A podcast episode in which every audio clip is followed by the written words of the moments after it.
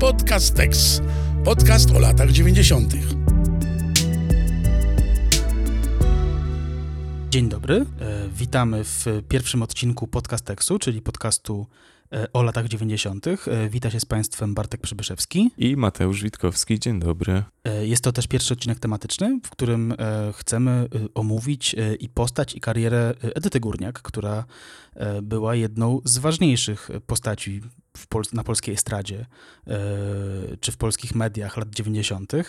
E, Mateusz, e, ty znasz pierwszą płytę Edyty Górniak dość dobrze, prawda? E, nie, nie słuchałem jej przez jakieś ćwierć wieku, ale słuchałem jej e, nie w związku z naszym podcastem, z, w innej sprawie słuchałem, całkiem niedawno, więc tak, więc coś, coś pamiętam.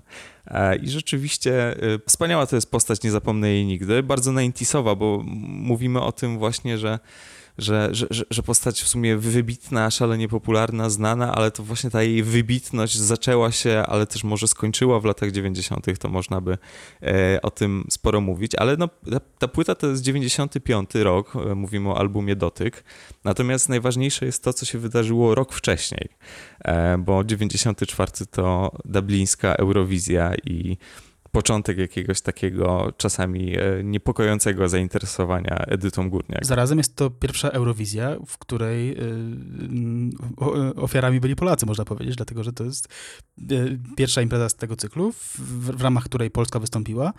E, I od razu był to duży sukces, e, ponieważ e, Edyta Górniak zdobyła drugie miejsce. I to jest coś, o czym do dziś, o czym warto przypominać do dziś i, i, i o, czym media lubią przypominać do dziś, dlatego że jakoś tak się wydarzyło, że w ciągu ilu tam, no, jeśli dobrze liczę, kilku dekad, nie udało się nawet zbliżyć do tego wyniku. Najbliżej było chyba ich troje z siódmym miejscem e, Z Kajne Mhm. tak. No i co, zła piosenka? Bardzo dobra. E, bardzo dobra. Wydaje mi się, że trochę schodząc na chwileczkę z, z, tematu, że Blue Cafe miałoby szansę, gdyby, gdyby weszło e, na Eurowizję z You May Be In Love, to mógłby być jakiś taki europejski hicior. To się nie udało, e, no ale dobra, to już tam zostawmy porażki za sobą, prawda? E, To już Paweł Rurak-Sokal będzie musiał to sam ze sobą przepracować. To jest bardzo ciekawa postać. Mi się wydaje, że on już jest, już jest tak, już po tej pracy, już tę pracę wykonał nad, tą, nad tym sz- szczególnie y, złym wspomnieniem. E, natomiast tak, jakby nigdy nie udało się nawet zbliżyć do tego, co Edyta Górniak wtedy e, zrobiła. Ja tego nie pamiętam z telewizji, dlatego że miałem wtedy ile tam, znaczy mogłem pamiętać, miałem wtedy 7 lat, ale, e, ale rzeczywiście nie pamiętam, że samej, z samej imprezy, natomiast pamiętam, że tuż po tym Edyta Górniak stała się, no trzeba to powiedzieć, tak jakby absolutnie największą gwiazdą polskiej estrady na pewien czas. Na przynajmniej kilka lat, prawda? Tak, no zdecydowanie tak w ogóle, jak y, sobie sięgniemy do tego pamięcią, ja to pamiętam przynajmniej jak przez mgłę, ale, ale jednak wydaje mi się, że widziałem ten występ. Natomiast dlaczego to było w ogóle takie ważne, to co się wtedy w 94 roku wydarzyło? Bo teraz jakby wszyscy dobrze się bawimy, patrząc na to, że Rafał Brzozowski będzie naszym kandydatem, albo wszyscy jakby przerzucamy się tym, jak, nas, jak bardzo nas nie obchodzi Eurowizja. A pamiętajmy o tym, że ten właśnie pierwszy występ e, w Eurowizji, to nie był pierwszy polski występ w latach 90., to był pierwszy polski występ w Eurowizji w ogóle. To jest sytuacja bardzo symboliczna, no bo o co chodzi w Eurowizji? Ona była jakby imprezą pewnej federacji telewizyjnej, to, która łączyła powiedzmy, że wolne telewizje. Wcześniej uczestniczyliśmy w Interwizji w, w PRL-u, więc e, ten 94 i ten Dublin mm, to był dla nas jednak taki, wiesz, taki stempel, że dołączyliśmy do wspólnoty tych wolnych narodów i że w ogóle jakby dołączamy w ten sposób do zachodniej popkultury tak naprawdę, do zachodniego rynku muzycznego. To, to w gruncie rzeczy ważna sprawa, a mało brakowało Edyta Górniak by nie wystąpiła mm, na Eurowizji, przynajmniej nie w 94, bo pierwszym wyborem była Edyta Bartosiewicz. No w każdym razie Edyta Bartosiewicz tej propozycji nie przyjęła, pojechała Edyta Górniak.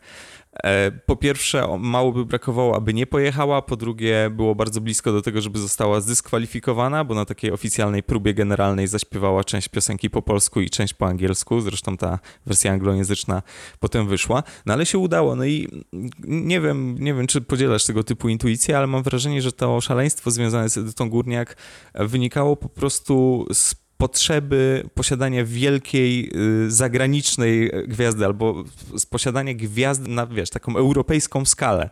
Dlatego to wszystko się nam doskonale zgadzało, no bo mamy artystkę młodą, która debiutuje już po 89, więc jakby skoro wymieniamy kadry i, i wietrzymy i, i, i zamiatamy podłogi, no to w końcu potrzebujemy kogoś nowego. E, że ona też oczywiście w związku z tym wielkim sukcesem e, wówczas w Dublinie, ona uosabiała taki nowy, absolutnie nowy nowy typ zachodniej gwiazdy. To jakby wiesz, to, były, to, to, to, to była poniekąd zmiana warty. Mm, no i potem te oczekiwania, mam wrażenie przynajmniej, związane z jej karierą, poniekąd stanowiły dla niej ogromne brzemię i wydaje mi się, że to, że teraz mówimy o Edycie Górniak jako osobie nieco ekscentrycznej, że to tak w taki eufemistyczny sposób ujmę, wynika trochę z tego, że ona nie do końca udźwignęła po prostu te oczekiwania, co jest oczywiście doświadczeniem, które dotyka nas wszystkich, kiedy na przykład nie dźwigamy oczekiwań ze strony rodziców i tak dalej, no to ona nie udźwignęła oczekiwań ze strony całego, powiem to słowo, narodu. Tak y, i też mm, Mówimy o, taki, o, takim okresie, początku lat 90., kiedy wszystko było trochę z paździerza, bo lata 90. były w dużej mierze paździerzowe e, i kiedy nikt za bardzo nie wiedział, w jaki sposób to się robi, tak? W sensie, jak się robi taką międzynarodową karierę, tak? W sensie, co się musi wydarzyć dalej, żeby, żeby ta dziewczyna z Polski mogła być, nie wiem, kimś na miarę, przepraszam, Whitney Houston, czy, czy kogoś takiego, bo tego typu fantazje, z tego co pamiętam, w ówczesnych mediach e, funkcjonowały dość, e, dość raźno, ale e, pomijając może kwestię samej, samego sukcesu, to trzeba powiedzieć, że piosenka, z którą, z którą pojechała Edyta Górniak, czyli To nie ja, była czymś była zaprzeczeniem tego, z czym e, dzisiaj się jeździ na Eurowizję, tak? W sensie dzisiaj się jeździ raczej ze żwawymi e, numerami. E, jeździ się z piosenkami, które, w które można tam wsadzić dziewczyny ubijające masło, e, które są, są, są kolorowe. Natomiast Edyta Górniak pojechała z taką bardzo diwową, z takim bardzo diwowym numerem. E, nie wiem, czy ze mną zgodzisz, że, że on jest taki właśnie... Jak najbardziej, wiem, tak. Że tak, Celine tak. Dion mogłaby go na dobrze wykonać, tak? Nie wiem, czy po polsku. To w ogóle jest punkt odniesienia jakby tego typu artystki, to, to o czym mówisz zresztą, e, to, to nazwisko Celine Dion się w kontekście Edytu Górniak pojawiało i też była o nią podpytywana, e, brana tak pod włos, że tak ujmę to w taki grzeczny sposób przez dziennikarzy. Mm, e, I, i, I, rzeczywiście tak, no, Edyta Górniak jest, jest z tego nurtu, nie chcę powiedzieć miotu, bo to nieładnie, ale zdecydowanie jakby ta, ta propozycja, czyli to nie ja, numer swoją drogą napisany jeszcze w latach 80. i to jest numer, który napisał Stanisław Syrewicz docelowo dla zespołu Chicago, który nigdy tego utworu nie nagrał, więc jakby wędrówka tej piosenki jest, jest też dosyć interesująca. E, no on rzeczywiście, on, on się wywodzi z takiego nurtu właśnie takiej 90sowej Czyli mamy Celine Dion, mamy, mamy Whitney wcześniej, która oczywiście debiutowała w latach 80.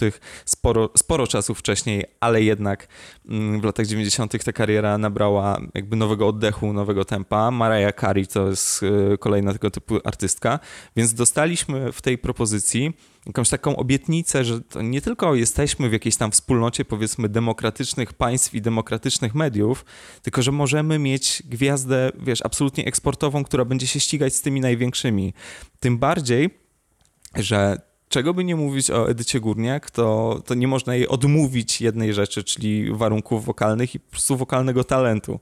Więc y, rzeczywiście y, Eurowizja 94 to była taka obietnica, że, że my już będziemy ścigać na każdym polu absolutnie, że my mamy swoją propozycję na każdym polu, że już mamy, wiesz, e, wolny rynek, ale mamy też po prostu artystki, które mogą e, na listach przebojów mm, gdzieś się tam e, przetykać z tymi amerykańskimi gwiazdami, no bo mit Ameryki w latach 90. ma się przecież doskonale. Na zasadzie, patrzcie, 5 lat minęło od, od, od zmiany ustrojowej i my już mamy właściwie, my już mamy to, nie? do czego wyście dochodzili przez dekady trochę, na zachodzie. Trochę na takiej zasadzie, że patrzcie, jakby tyle, tyle czasu nas trzymano po prostu, wiesz, za mordę w tej klatce, a my tutaj mamy takie fajne dziewczyny. To, to wiesz, i tak sobie jeszcze myślę, to jest oczywiście osobny i skomplikowany wątek, ale zobacz, mm, jaki mamy cały czas niesamowity deficyt y, osób, które zrobiły jakąś kar karierę, osiągnęły jakąś popularność, wywodząc się z romskich społeczności. Tutaj mamy tego typu postać i z jednej strony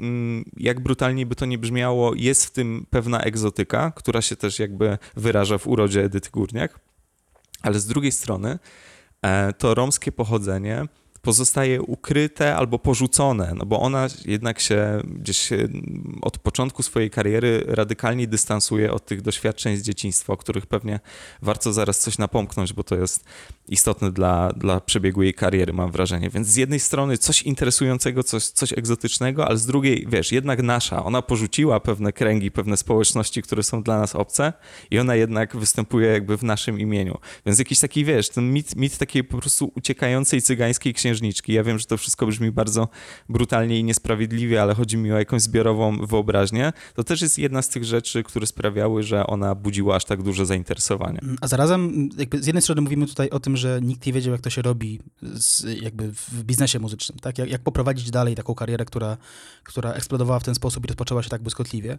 Um, i z jednej strony rzeczywiście to jest zarzut, który można postawić e, środowisku muzycznemu, czy, czy też, nie wiem, otoczeniu mm, Edyty Górniak, mi lub bardziej sprawiedliwie.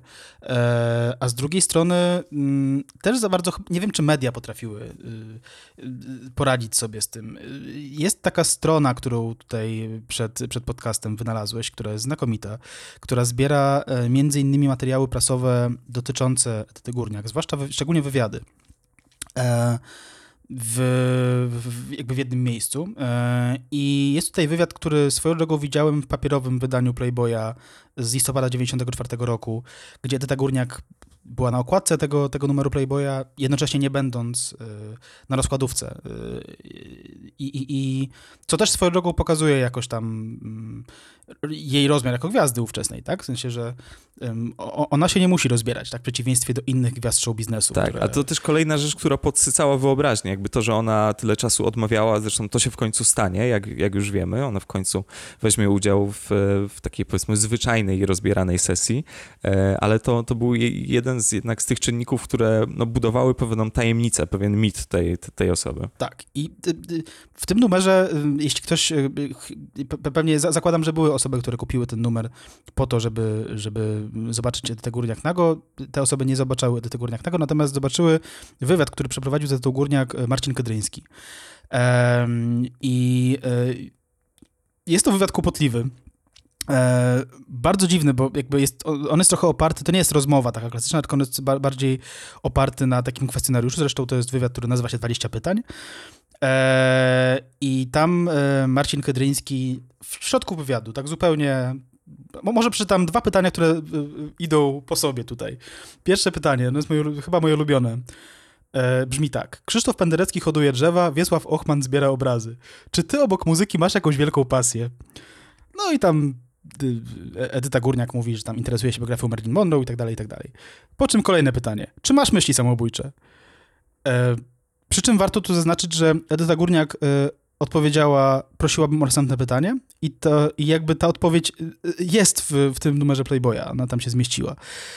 E, więc e, mamy tutaj 22-letnią w 94 roku e, młodą piosenkarkę, która osiągnęła bardzo duży sukces i, i, i, i która miała przed sobą mm, płytę, która sprzeda się znakomicie i, i, e, i tak dalej, a z drugiej strony mamy dziennikarzy, którzy, i to nie jest jedyny taki wywiad do Górniak swoją drogą, który tak ją traktował, e, dziennikarzy, którzy mm, ja przede wszystkim nie, nie wyobrażam sobie, żeby jako dziennikarz, żeby mógł zadać młodej osobie pytanie, czy ma myśli samobójcze podczas wywiadu jeszcze zostawić odpowiedź, y, prosiła o następne, prosiłabym o następne pytanie. Więc wydaje mi się, że media tutaj też mogły popełnić kilka błędów, e, jeśli chodzi o, o, o traktowanie Edyty Górniak. E, ale ten, ten balonik, który media pompowały w tamtym okresie, był, o, o, one pompowały przez wiele lat. W sensie to był balon, który starczał na jeszcze po prostu do, do, do, do końca dekady i dłużej. E, obejrzałem przed podcastem, przed, przed nagraniem e, fragment e, Ibisekcji, czyli takiego talk show, który prowadził Krzysztof Ibisz pod koniec lat 90. E, I e, kiedy Krzysztof Ibisz mm, mm, przedstawiał Edytę Górniak, swoją drogą Edyta Górniak jest tam w towarzystwie Leszka Balcerowicza, warto No, wspomnieć. no bo jak żeby inaczej, prawda? Tak, no jakby dwie gwi- gwiazdy polskiej estrady. Lat, lat kanapie. 90. Tak. to Krzysztof Ibisz powiedział o Edycie Górniak, największa eksportowa gwiazda polskiej piosenki. W roku 99, przypominam. E, jak to było z tą, z tą eksportowością e, Edyty Górniak? No, to jest y, jak zwykle bardzo skomplikowana sprawa y, w takich sytuacjach. Ja to niedawno pisałem w jednym z postów na swoim blogu, ale pozwolę to sobie powtórzyć, bo w przypadku karier zagranicznych polskich wykonawców to zwykle jest trochę tak jak z em, panem Waldemarem Koconiem, który był w latach 70. takim w miarę popularnym polskim wokalistą, potem wyjechał do Stanów, gdzie grał tylko i wyłącznie w klubach polonijnych i lata później w 2000 może drugim grał w moim rodzinnym mieście na małym festynie z okazji Dni Miasta i tam udzielał wywiadu dla lokalnej telewizji i zaczął swoją odpowiedź od słów. E, po paśmie sukcesów w Stanach Zjednoczonych postanowiłem wrócić do kraju i no i dalej szła odpowiedź, więc trochę zawsze jest tak, że te polskie eksportowe gwiazdy to jest jakby opowieść na temat e, jakiegoś niedoszłego sukcesu. Mm, W przypadku Górniak można powiedzieć, że udało się i kompletnie nie, bo te oczekiwania były szalone. Po, po 94, 95 z kolei wspomniana płyta Dotyk, która się u nas rozchodzi w szalonej liczbie egzemplarzy, to była chyba mm, łącznie poczwórna platyna, a pamiętajmy, że mowa jest o czasach, kiedy naprawdę trzeba było wykręcić wynik, żeby dostać złotą płytę mm, i, i, i, wyżej. No ale też trzeba powiedzieć, że płyty łatwiej się sprzedawało. Tak, oczywiście tak, ale no... dziewięć- Kasety może bardziej. Jasne, 94, 97 to jest ten okres taki naprawdę zł- złoty, jeżeli chodzi o polską fonografię. No więc y, jako, że wydarzył się Dublin rok wcześniej, no to oczywistym wydawało się, że skoro wówczas ta publiczność zagraniczna absolutnie kupiła Edytę Górniak, no bo na, na, na, to wygląda, no że to jakby należy to pociągnąć y, dalej i widzisz, to dlatego mówię o tym opowiadaniu o sukcesie, bo z jednej strony wychodzi płyta, która nazywa się po prostu Edyta Górniak, czyli płyta przeznaczona na rynki y, zachodnie, ale też no nie tylko, bo, bo wychodzi edycja japońska na przykład, która się sprzedaje chyba w 10 tysiącach egzemplarzy, co prawdopodobnie było jakimś tam rozczarowaniem, tym bardziej, że Japończycy jako konsumenci się już wtedy doskonale sprawdzali przecież i, i byli grupą docelową od dawna dla tego typu europejskich czy amerykańskich produkcji. Łącznie sprzedało się chyba na całym świecie pół miliona e, egzemplarzy tej płyty, co nie jest jakimś dramatycznym wynikiem. Mm, Ale dlaczego mówię o tej opowieści? To, to są raczej takie mignięcia, to są momenty, w których y, dany album się rozchodzi, ale w gruncie rzeczy nie, nie, nie zostawia po sobie żadnego śladu. To znaczy, ta kariera nie była potem e, już w żaden sposób dyskontowana, to, to jest jedna rzecz. Po drugie, o tej karierze, jako że wspomniałeś o Ibiszu, należało opowiedzieć w mediach. To znaczy, należało stworzyć jakąś tam opowieść. Dlatego na przykład tak częstą informacją na temat tamtych czasów i twórczości Edyty Górniak jest to, że otrzymała piosenkę od Kylie Minogue. To jest e, numer e, Love is on the Line. W rzeczywistości ja oczywiście nie jestem menadżerem lub w ogóle nie uczestniczę w rynku popowym, natomiast powiedzmy, że, że parę rzeczy na ten temat słyszałem. Absolutnie normalnym jest to, że pewne utwory trafiają do tak zwanego publishingu i można je kupić po prostu za jakąś tam kwotę i potem wykorzystać i otrzymać poniekąd prawa autorskie do tego utworu. A po drugie, kiedy wykonawca popowy ma sesję nagraniową, to zostaje mu mnóstwo materiału. Y, W przypadku wykonawców, którzy nie piszą sobie sami piosenek, po prostu dostarcza im się utwory jako propozycje, tak? Pro- Producenci mają powiedzmy, że zastępy współpracowników i i tego typu propozycje albo zostają przyjęte, albo po prostu trafiają do kosza, albo trafiają do szuflady, jak było w tym przypadku. Więc jakby wiesz, to, to mam na myśli, jeżeli chodzi o tę opowieść, bo trochę inaczej brzmi, jeżeli powiesz, że mm, Edyta Górniak nagrała cudzy utwór, który jest odrzutem z sesji nagraniowej Kylie Minogue, bo Kylie Minogue nie chciała tego utworu, tudzież jej producenci czy jej sztab nie chcieli tego utworu na, na long playu. A trochę inaczej jest, jak powiesz, że dostała od Kylie Minogue piosenkę, ta piosenka została podarowana y, przez Kylie Minogue, mimo że też nie była jej jakby własnością, nie była jej, jej utworem, więc Trochę rzeczywiście y, jest tak, że jeżeli nasz wykonawca się pojawi gdzieś tam, w przypadku Edyty Górniak, były momenty na listach niemieckich, były momenty portugalskie, jedna z piosenek wykorzystana nawet w czołówce, mm, zdaje się, jakiejś portugalskiej e, telenoweli, no to wtedy my jesteśmy bardzo głodni tego typu opowieści, bo trzeba to sobie powiedzieć wprost polscy artyści wypadają dosyć hermetycznie, co pewnie wynika i z nakładów, i z braku nakładów i tak dalej, i z różnych czynników, nie tylko czysto muzycznych, ale generalnie naszych artystów się na tak zwanym zachodzie nie słucha. Więc rzeczywiście moglibyśmy powiedzieć, że Edyta Górniak była wówczas naszą największą gwiazdą eksportową, jeżeli bardzo zaniżymy oczekiwania to było takie ogromne bezrybie wtedy. Tak, tak, tak, tak, tak. No właśnie. No i, i, i nie chcę mówić, że Edyta Górniak była rakiem, jakby młodzież powiedziała, i że okazała się rybą, jak to w tym prawda porzekadle, które przywołałeś, ale, ale rzeczywiście tak, nie, nie mieliśmy się mm, czym poszczycić i wydaje mi się, że też nie chcieliśmy przyznać się do rozczarowania związanego z tym, że jednak po, po drugim miejscu na Eurowizji ona nie stała się gwiazdą przynajmniej na europejską skalę. Już nie mówię nawet o Stanach. Tak, tym bardziej, że mm, ten prób wyjazdu na zachód ze swoją twórczością e, Edyta Górniak miała przynajmniej dwie takie próby, bo jeszcze tutaj nie wspomnieliśmy o tym, że i przed płytą Dotyk, i przed e, występem na Eurowizji e, był jeszcze musical Metro, który to musical Józefowicza i, i, i przypomnij mi Stokłosy, Janusza Stokłosy. Stokłosy, tak. Hmm? Janusza Stokłosy, znanego później z grania w talk show MDM. E, bardzo amerykańskiego grania i bardzo, bardzo to były amerykańskie występy Janusza Stokłosy. E, to, no, przez jakiś czas Edyta Górniak występowała na Broadwayu. Um, i to nie wyszło z wielu powodów. Znaczy, to nie jest to tak, że to był indywidualny sukces Edyty Górniak, oczywiście, bo to był sukces całego zespołu, ale, ale Edyta Górniak wtedy posmakowała e, być może po raz pierwszy e, występów, no, znaczy na pewno po raz pierwszy przed taką publicznością, jak publiczność broadwayowska. E, musical Metro nie pyknął, mówiąc, mówiąc delikatnie, e, w, w Stanach Zjednoczonych. Okazało się, że e, polska myśl musicalowa e, jest jednak być może trochę daleko od, y, mm, e, od tradycji musicalowej amerykańskiej e, i tam mm, po jakimś czasie, nie wiem, czy po roku, czy po dwóch, e, Edyta Górniak wróciła do Polski. No, no i właśnie mając od razu właśnie tak, tak naprawdę niedługo później no ten ogromny sukces, jakim było, było drugie miejsce na Eurowizji. Mm, i, i, I, faktycznie, jeśli, moż, jeśli tak można by było podsumować e, karierę Edyty Górniak e, i jej próby przebicia się e, na zachodzie, to można powiedzieć, że to jest osoba z nieprawdopodobnym talentem i zresztą z czterema oktawami podobno w głosie.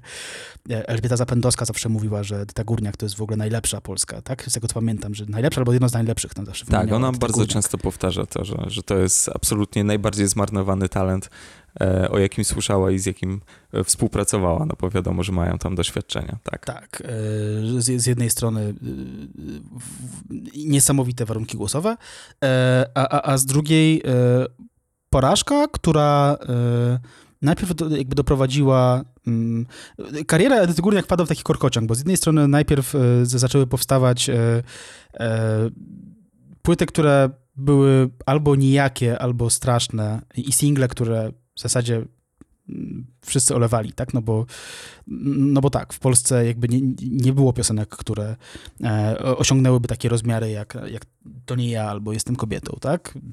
Nigdy później. E, z drugiej strony były wokalistki, które mm, może też nie osiągały sukcesu na zachodzie, ale w drugiej połowie lat 90. osiągały większe sukcesy trochę podobnymi, e, trochę podobnymi numerami, tak? Na przykład, nie wiem, tutaj, znaczy w zasadzie można powiedzieć o połowie lat 90. i później, czyli na przykład Various Monks tutaj z, z Anitą Lipnicką. Też momentami to były numery divowe i, i, mm, I jakby one trochę zastąpiły Edytę Górniak na, e, na listach przebojów, e, co doprowadziło Edytę Górniak do jakiegoś takiego dziwnego momentu, w którym mm, ona już nie występowała w mediach do końca jako wokalistka, mm, a przynajmniej nie zawsze, tylko raczej występowała jako, jako taka osoba, która na przykład przychodziła do studia przed Eurowizją, studia telewizji, co jakby nagrania też są na YouTubie dostępne i tam dziennikarz mówił, o pa, pani Edyto, e, 76 lat temu wygrała, e, zdobyła pani drugie miejsce na Eurowizję, co pani by, pole, by jakby tam, e, co by pani by poradziła Młodzieży. e, Michałowi Wiśniewskiemu, który właśnie teraz będzie jechał na Eurowizję, co, jak oni to mają zrobić, żeby też drugie miejsce mieć, nie? E, I jest to dość przykry moment, kiedy, kiedy zaczynasz być no, powiedzmy mentorką, którą, którą nikt nie, mentorem, którym nikt nie chciałby być w swoim, w swoim życiu tak naprawdę, czyli ktoś, kto praktycznie zakończył karierę i teraz tylko może mówić, no słuchajcie dzieciaki, to teraz tak. Czy nie wiem, czy Edyta Górniak nazywałaby dzieciakiem Michała Wiśniewskiego, ale wiesz, co mam na myśli. Ale wiesz, no ona ma w sobie tyle miłości i tyle opiekuńczości, że myślę, żeby mogła w ten sposób e, to nazwać. Znaczy nie mówię, że Michał Wiśniewski to to, tylko nazwać tę sprawę w ten sposób. No, rzeczywiście tutaj jest jakiś e, wielki pech związany z tym, że ta kariera w takim realnym znaczeniu, ta kariera muzyczna, ona traci tempo szalenie szybko i ty wspominałeś o o ibisekcji. Ja też czytałem wywiad e, z Playboya z 90, zdaje się, 8 roku, e, gdzie ona jest jakby już w lidzie, już we wstępie mm, zarysowana jako taka postać, jako taka internacjonałka, która tu właściwie przy- przybiegła prosto z samolotu i tu za chwilę, wiesz, w Londynie, a tu w Stanach, a tu coś tam, i że tak naprawdę mieszkam w 48 krajach jednocześnie, bo akurat miałam sesję nagraniową w Londynie i jak tutaj, jak się pani podoba w Warszawie. Trochę, trochę na, na takiej zasadzie, że mimo wszystko pompujmy to, opowiadajmy dalej o, o tym, że, że, że jest naszym takim towarem eksportowym. I ty wspomniałeś o Various Monks i myślę, że tutaj pojawia się mm, taki jeden zasadniczy problem, bo mm, to jest oczywiście dylemat i problem, który pojawia się przy wielu e, wykonawcach, wykonawcach, wykonawczyniach, którzy nie piszą sobie swojego materiału. Ja bym nie nazwał Edyty Górniak taką osobą, która jest, wiesz, e, zupełnie bezwolna i była rzucana przez tych menażerów od lewej do prawej, bo to też jest jeden z takich, wiesz, toposów, jeżeli chodzi o muzykę popularną. Nie, w przypadku Edyty Górniak jest po prostu problem z dostarczaniem piosenek i z doborem współpracowników. Takie mam wrażenie.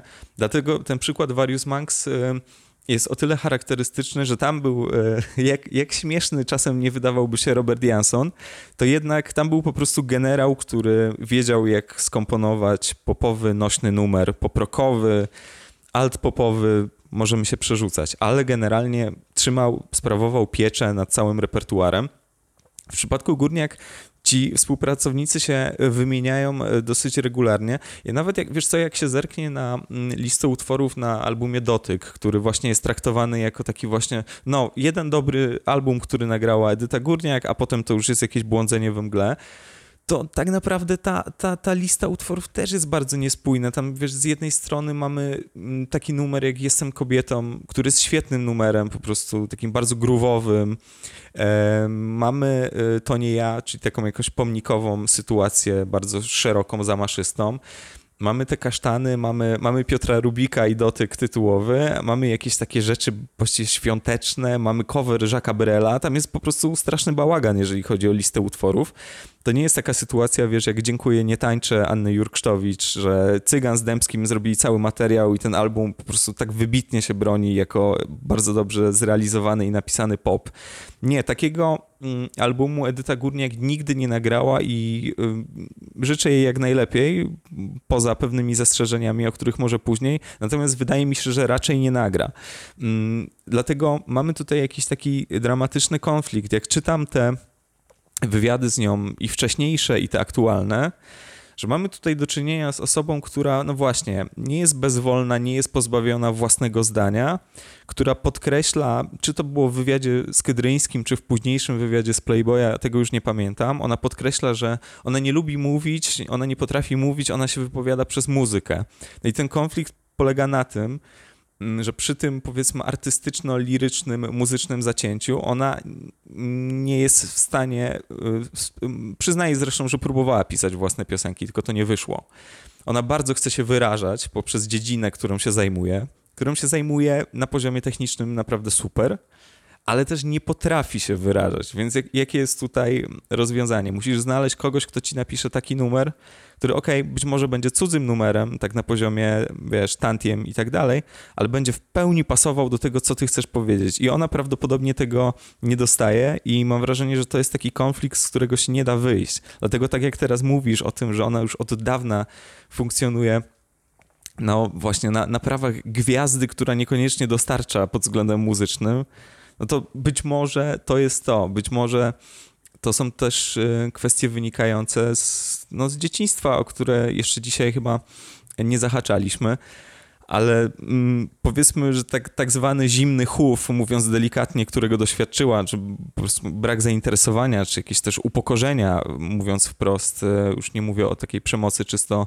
fizycznej czy seksualnej, nad którą się no, nie wypada rozwodzić, ale trzeba ten fakt zanotować, to wszystko chyba wy, mm, wypracowało w niej jakieś takie szalone oczekiwania wobec samej siebie.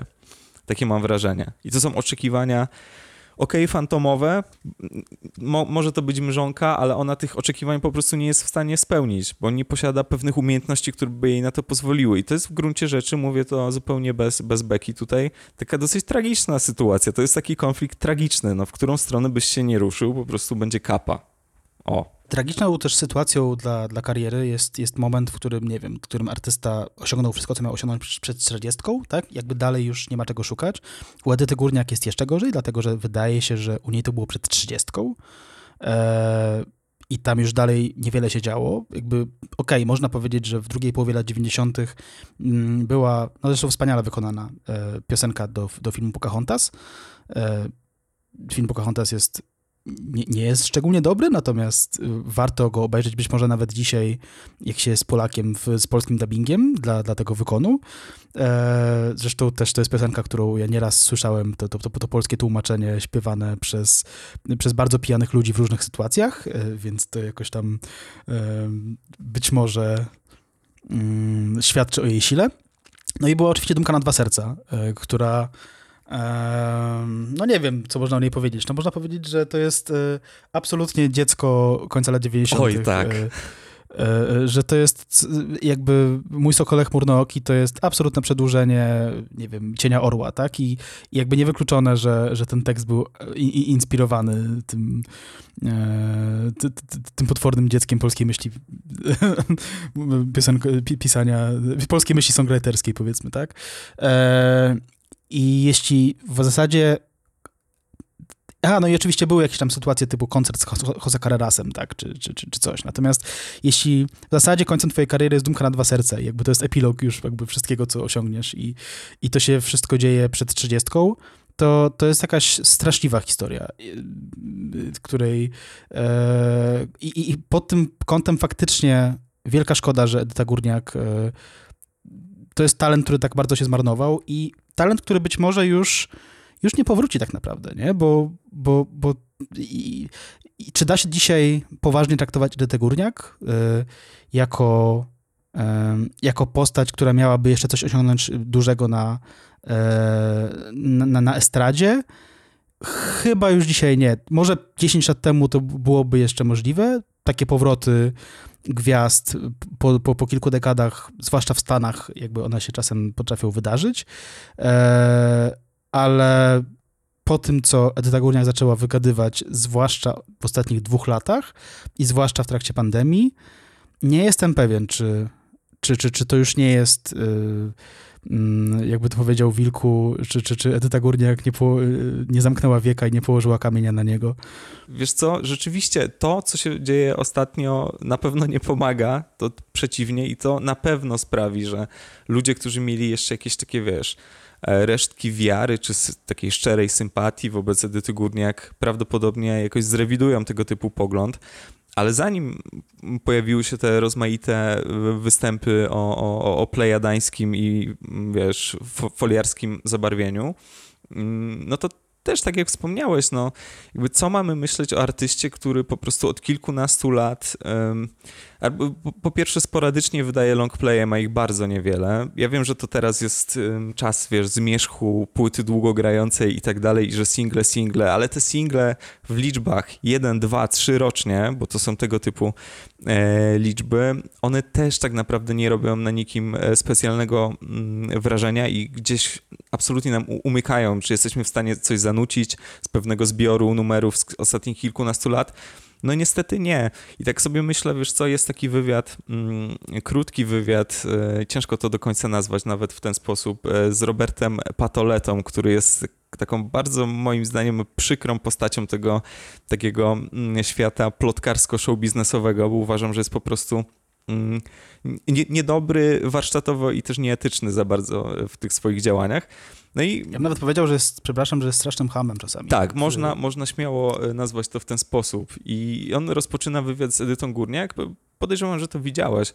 E, Edyta Górniak odmawia odpowiedzi na pierwsze pytanie, bo mm, wypomina mu, że podczas wywiadu z Robertem Kozyrą nazwał Edytę Górniak celebrytką i prosi e, e, Patoletę, taki sposób, w jaki ruga się ucznia na przykład, o to, żeby wytłumaczył jej różnicę między mm, celebrytką a artystką i żeby określił, kim ona jest.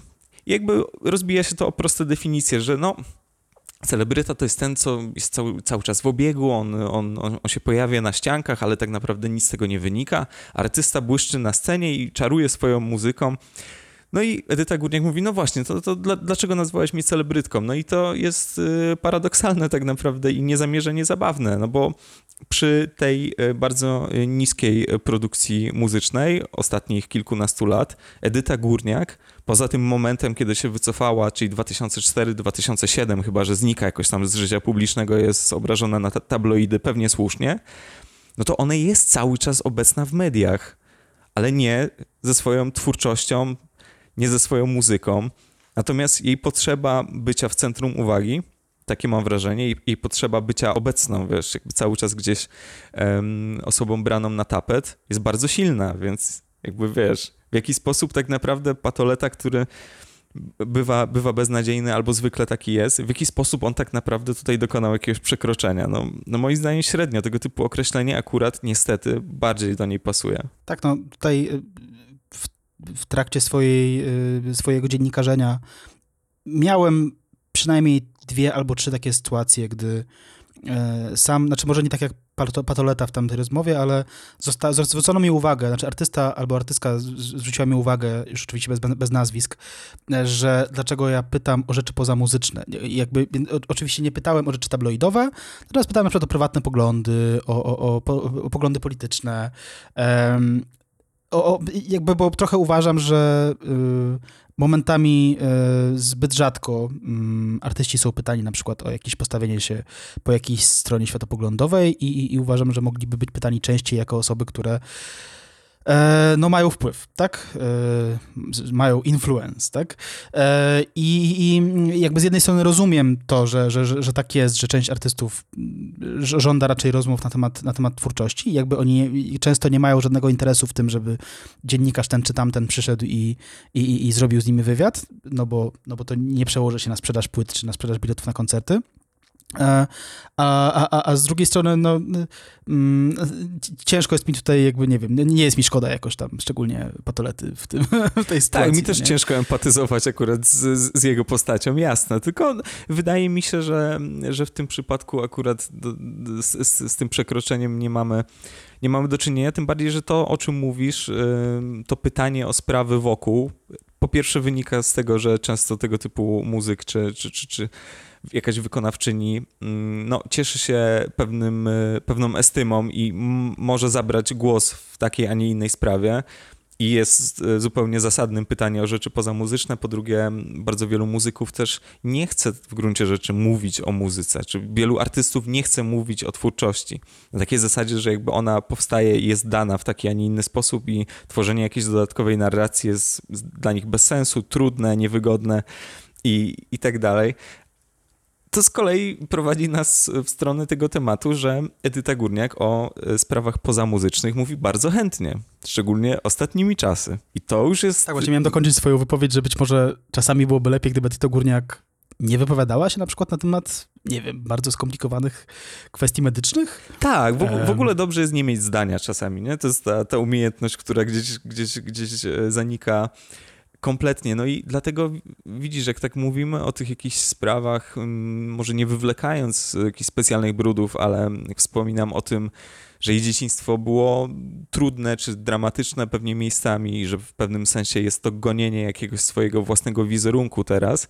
No i trochę głupio mi się mm, pastwić nad kimś, natomiast to, co robi Edyta Górniak od jakiegoś czasu i mówię tutaj już nie o czysto jakichś takich new age'owych wątkach związanych z obcymi, z plejadanami i z tym, że Zresztą dopuszczam istnienie jakichś innych cy- cywilizacji, nawet nie o to mi tutaj chodzi. Natomiast to, co mówi na temat spraw medycznych, covidowych i szczepionkowych, wydaje mi się po prostu niebezpieczne. I jak sobie to nałożysz na taki obrazek, że mamy do czynienia z osobą, która się cieszy jakimś takim nimbem wielkiej gwiazdy, diwy i artystki, ale przy okazji nie wydaje kompletnie muzyki, a jej bardzo silna obecność w mediach ostatnimi czasy ogranicza się do tego, żeby agitować w gruncie rzeczy za tym, żeby rezygnować ze szczepionek, czyli przyczyniając się do obniżenia odporności wiesz, społecznej, stadnej i, i, i, i mówiąc rzeczy, które są po prostu społecznie szkodliwe, no to wtedy mi już przestaje być e, Edyty Górniak żal. Ostatnio wpadłem taką bardzo mocną zadumę do, na temat Edyty Górniak, kiedy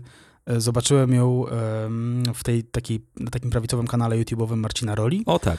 i pomyślałem sobie, że jeśli je- jesteś osobą, która występowała na Broadwayu, która e, prawie wygrała Eurowizję, tak? Bo tam powiedzmy sobie, tam, że, tam rzeczywiście niewiele brakowało Jasne. do tej wygranej, nie? E, która e, no, sprzedawała po prostu jakieś diamentowe płyty, tak? I, i, e, i, i kończysz e, u Marcina Roli na YouTubie, to nie wiem, czy jest, czy wyobrażam sobie większy obraz upadku, prawdę powiedziawszy. E, Bo jakby Edyta Górniak, to, że jest o niej głośno ostatnimi czasy, wy- wynika e, w dużej mierze z tego, że ona na szczęście, mimo wszystko jakby jest jedną z niewielu e, osób znanych, które wypowiadają się negatywnie na temat szczepionek. Jakby można oczywiście tutaj narzekać, że nie wiem, że jest d- Doda, tak, y, która, która też tam gada jakieś głupo- głupoty, tak, że jest Iwan Komarenko, który, który em, wskrzesił swoją karierę tylko po to, żeby, żeby gadać głupoty. E, e, to, to na szczęście jest niewie, stosunkowo niewiele osób, ale e, Edyta Górniak jest tym wszystkim chyba najbardziej wyrazista, dlatego że e, tak jak na przykład u, u, u Dody dostrzegam e, raczej w tym gadaniu o, o, o, o, pandemii, plandemii i tak dalej, e, jakieś takie wątki bardziej biznesowe, że po prostu to jest osoba, która tam produkuje film i, e, i, nie może występować i tak dalej, i tak dalej, więc tutaj jest, ucięło jej, e, jej e, w pewnym momencie e, środki do życia, tak, prawdopodobnie. Znaczy, nie, nie, sądzę, żeby było dramatycznie, ale, ale po prostu Doda przestała zarabiać na jakiś czas. Tak, co do Edyty Górniak, tutaj nie, nie sądzę, żeby brak koncertów był szczególnym problemem dla Edyty Górniak w ostatnich latach, więc to wynika u niej z jakichś takich e, głębokich przekonań dotyczących e, em, prawda, e, Plejadan i, e, i, i, i, e, i, i pandemii i, i wszystkiego tego, co, e, co, co, co mówi w swoich social mediach. Więc tak, to jest pod, jakiś potworny upadek. Tak, E, tak, tak, tak. No jeżeli rzeczywiście budzisz się pewnego dnia w programie Marcina Roli, mając w pamięci rozmaite wielkie wydarzenia w twojej karierze, to musisz głęboko zrewidować to, co się wydarzyło ostatnimi laty i w ogóle, no zobacz, zadziałał ten sam mechanizm, co mm, w przypadku takich rozmaitych zapomnianych, dawnych gwiazd e, przygarniętych przez, e, mówiąc najogólniej, prawicowe media. Wyjmujemy kogoś z kapelusza, kogoś, kto wierzy w rozmaite alternatywne rozwiązania dotyczące naszej rzeczywistości, dotyczące medycyny, biznesu. Tych swoich niepokojów czy podejrzeń nigdy nie kieruje w stronę późnego kapitalizmu, tylko jakby karmi swoją potrzebę science fiction w życiu jakąś właśnie taką, wiesz, spiskową totalnie opowieścią i z jednej strony Edyta Górniak zapomniana przez media nigdy nie była, ale prawdopodobnie te jej rozmaite foliowe koncepty niekoniecznie były dobrze widziane y, i niekoniecznie są dobrze widziane w jakichś takich typowo lipkowych mediach, powiedzmy, w rodzaju TVN-u. No więc jakby Oczywiście bardzo chętnie tutaj czułym ramieniem Marcin Rola y, obejmuje i pozwala jej mówić rzeczy. Ja sobie zanotowałem jedno zdanie, które padło w tym wywiadzie y, i ono jest wstrząsające. Tylko jedno? tak. Z krynicy mądrości tylko jedno zdanie. Ale chciałem, wiesz co, znaleźć jakąś taką kwintesencję i na temat szczepionek Edyta Górniak mówi tak. Wolę odejść z tego świata, niż dać sobie coś wstrzyknąć, coś, co do czego nie mam pewności, co to tak naprawdę jest. Czyli mówiąc wprost, wolisz umrzeć na chorobę, na którą istnieją szczepionki. I to jest jakby koniec. A wolisz na, umrzeć na tę chorobę, bo nie wiesz, co jest w tych szczepionkach i nie wiesz, czy, czy nie umrzesz od tego. Wiesz, jakby to jest po prostu taki fikołek myślowy.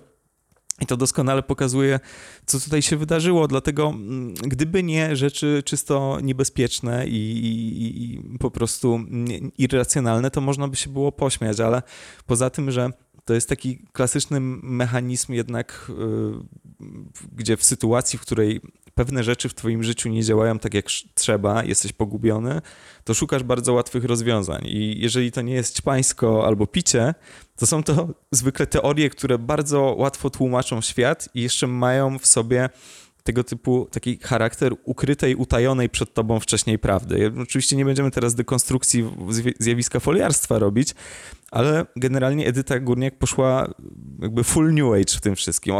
Też zanotowałem sobie z jej Instastory z listopada 2020. To będzie niedokładny cytat, ale generalnie chodziło o mm, choroby poważne, nowotworowe i Edyta Górniak wprost namawiała do tego, żeby po prostu jeżeli pojedziesz na Hawaje i będziesz otoczony piękną przyrodą i dobrymi ludźmi i ci ludzie powiedzą ci, że wyzdrowiejesz i ty w to uwierzysz, to wyzdrowiejesz. Więc jakby, jeżeli macie Państwo jakieś problemy zdrowotne w tym momencie, no to jakby rozwiązanie jest jedno. Oczywiście gdzieś y, pod tym wszystkim jest e, po prostu a, czy właśnie nie ustaliliśmy, czy przeklinamy, więc powiem tylko, że, że jest w tym wszystkim jednak je biedę, bo, bo lot do Honolulu to nie są, wiesz, rurki z kremem prawdopodobnie. Ja już nazwałem Roberta Patoleta hamem, więc Ale to, a to nie, to ładnie, to jest jeszcze taka, wiesz, literacka zupełnie e, polszczyzna. W każdym razie Edyta Górniak e, czuje się bardzo oszukana przez świat, jak e, wszyscy ludzie w foliowych czapkach. Mm, kieruje te swoje żale mm, w taki, a nie inny sposób mówi kompletne bzdury i niestety, e, jako że nie ma tutaj za bardzo widoków na mm, jakąś taką zaawansowaną karierę muzyczną, tudzież renesans kariery muzycznej i nie ma za bardzo widoków na to, że, że Edyta Górniak znowu będzie po prostu artystką sceniczną, studyjną, która będzie cieszyć e, nas tym, co jest jej głównym zawodem, powiedzmy, no to niepokoi mnie trochę, że ona objęła jednak kurs na bycie Violettą Villas, chcąc nie chcąc. Tym bardziej, że Violetta Villas to też jest osoba, która epizody w Stanach miała i to też jest e, osoba, która śmiało mogła potem mówić, że po fali sukcesów w Stanach Zjednoczonych postanowiłam. Znaczy, wiesz, no być może to jest tak, że to jest trochę taki, wiesz, prawo diwy, tak, żeby, żeby, żeby zdziwaczyć. No właśnie nie chcę mm. powiedzieć na starość, no bo to jest, Edyta Górniak jest młodą osobą, oczywiście, ma 48 oczywiście. lat. Więc jakby to, to nie jest, wiesz, tego rodzaju klimat. Natomiast jeśli chodzi o, o motywację Edyty Górniak do tego, żeby, żeby gadać głupoty, e, to, to, to jakby też ja bym tutaj szukał w prostszych trochę intuicjach, mianowicie jakby to przyniosło jej znowu, y, wiesz, publicity, tak? Jakieś tam, nie, może nie najlepsze, ale, A tak, ale tak, tak, po prostu tak. rozmawiamy teraz o Edycie Górniak. Nieprzypadkowo rozmawiamy o Edycie Górniak w pierwszym odcinku podcastu o latach 90. E, i wyskoczyliśmy tam 30 lat do przodu. E, no bo od, od jej sukcesów. E, no, no bo jakby, wiesz, jeśli, tak jak mówisz, kariera jest już właściwie niemożliwa, ale możesz zrobić coś bardzo łatwego, tak? Co jakby przyniesie ci e, mnóstwo nowych followersów i mnóstwo osób, które będą mówiły, tak, Edyta, jesteś super w ogóle. Wreszcie ktoś mówi prawdę, tak? Wreszcie ten, uważaj na siebie, Edyta, bo teraz będą, bo, bo, bo wiesz, bo będą teraz szukali takich jak ty i tak dalej. To to, to jest, e, musi być świetne, nie? Jakby, e, jeśli nie masz za bardzo innych perspektyw, tak? Jeśli, jeśli nie napiszesz książki, która będzie hitem czy coś, nie? Że, że, że prawdopodobnie to pozwala poczuć się trochę lepiej e, osobom, które taki following e, Y, uzyskują. Na pewno tak, wiesz, też to miałem na myśli, kiedy mówiłem o tym, że wobec braku y, nowej muzyki notorycznie pojawia się w mediach i to w rozmaitej formie, nie? czy to będzie tam lata temu taniec z gwiazdami, czy, czy jurorowanie tu i ówdzie, bo przecież nie chodzi tylko o The Voice of Poland, e, więc y, w tym wszystkim jest jakaś taka mm, no, niebezpieczna potrzeba, po pierwsze, e, atencji, e, zaznaczania swojego miejsca na tym firmamencie upstrzonym u nas bardziej gwiazdami niż pełnym, wiesz, rozświetlonych gwiazd. Mm, To jest, e, to jest tutaj jedna rzecz. Po drugie, ja mam wrażenie, że Wiesz, to jest czasami dosyć niepokojące. Edyta Górniak, jak e, się jej słucha, wypada jak taka trochę twoja uduchowiona ciocia, która w pewnym momencie życia zaczyna rozdawać wszystkim ceramiczne anioły i bardzo by chciała wszystkich przytulić do serca i ma w sobie tyle miłości po prostu, że może nawet od tej miłości implodować, że już się zastanawiasz, co tu się tak naprawdę dzieje. Jakby nie jesteś w stanie tych takich dziwnych, pokłębionych emocji e, w żaden sposób, wiesz, się wyrzucić, czy jakoś się skoncentrować.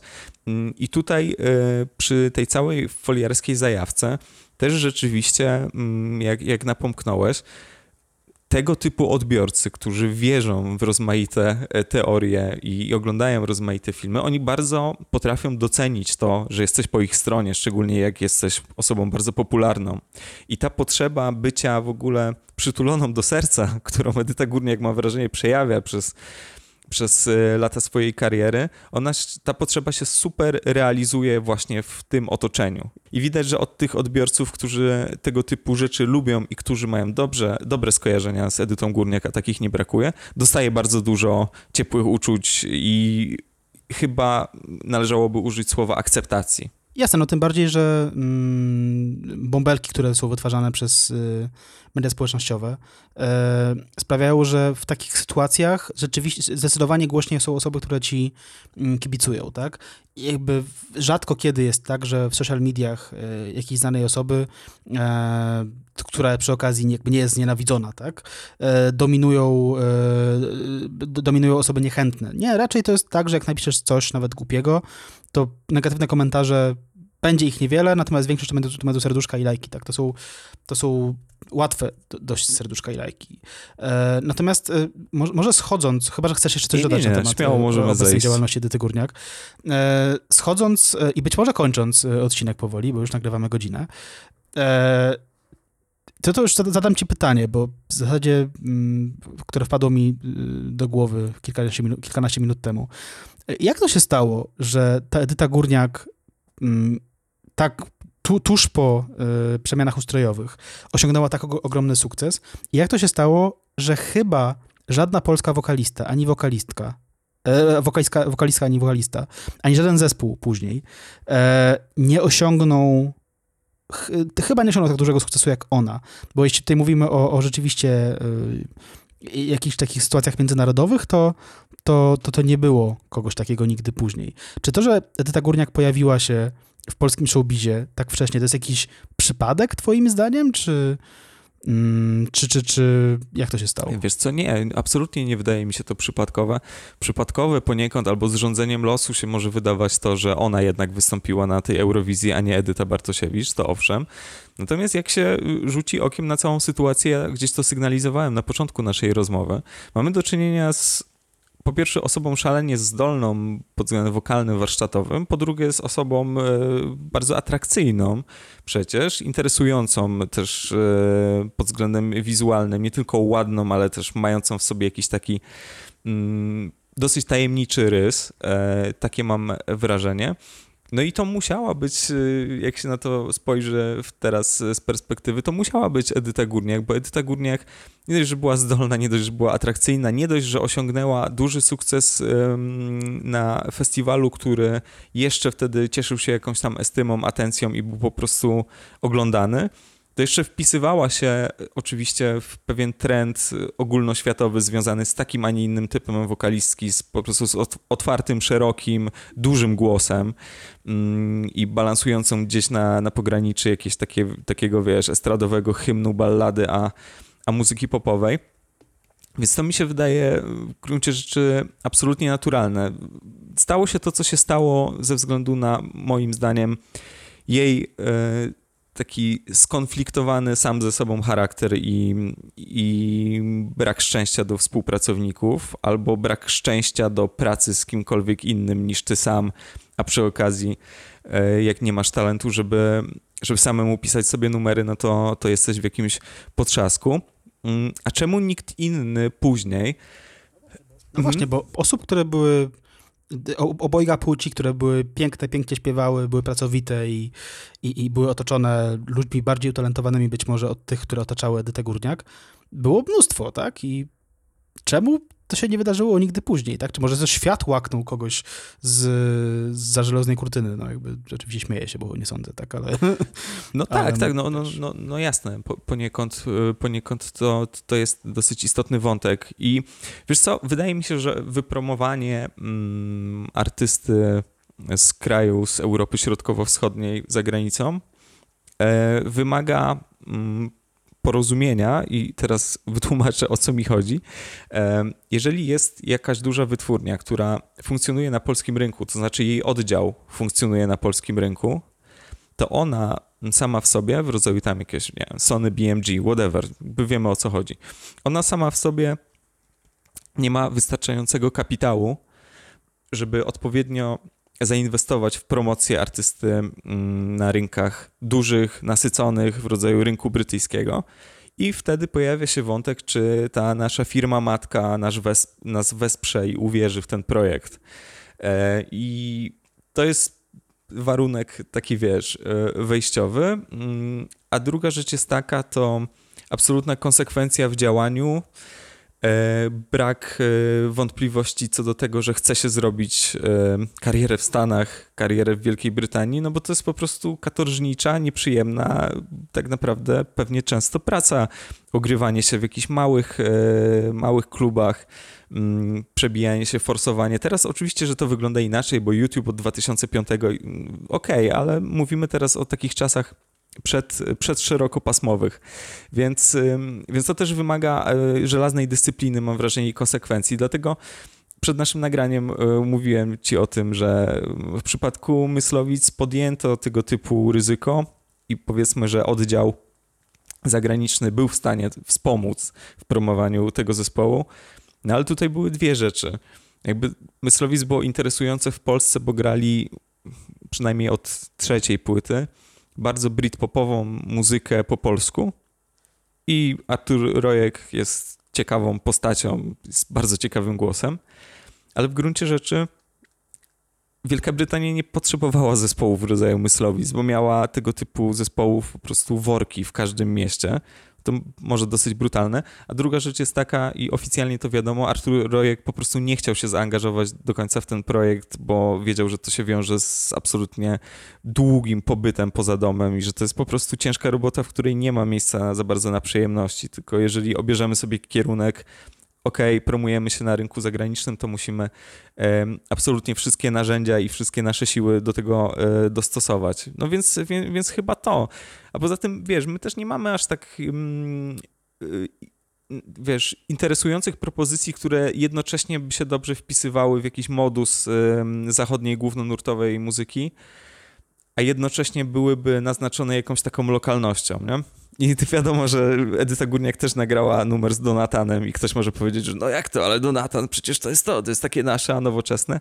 No nie, nie, nie do końca tak jest. Więc ja myślę, że po prostu Zachód, mityczny Zachód nie potrzebuje polskich wykonawców muzyki rozrywkowej. Zachód nie dorósł do Polski Tak, po prostu. jeszcze będą przepraszać, jeszcze będą. Dobrze, to co? Kończymy, Kończymy. powoli. Kończymy. E, także ja, ja na końcu bym chciał, tak nieironicznie, naprawdę, życzyć Edycie Górniak, żeby jeszcze nagrała coś super w, w, swoim, w swoim życiu. I jakby bardzo bym chciał, żeby Edyta Górniak skorzystała z tych czterech oktaw jeszcze i że, żeby skorzystała tak, żeby nam w kapcie poszło wszystkim. Ja się podłączam hejterom. absolutnie i równie nieironicznie i mimo tego wszystkiego, tych gorzkich słów, które tutaj padły, życzę jak najlepiej, byleby nie mówiła rzeczy, które są zagrożeniem dla zdrowia publicznego, a wszystko będzie dobrze. Dobrze, y, dziękujemy bardzo. Dzięki.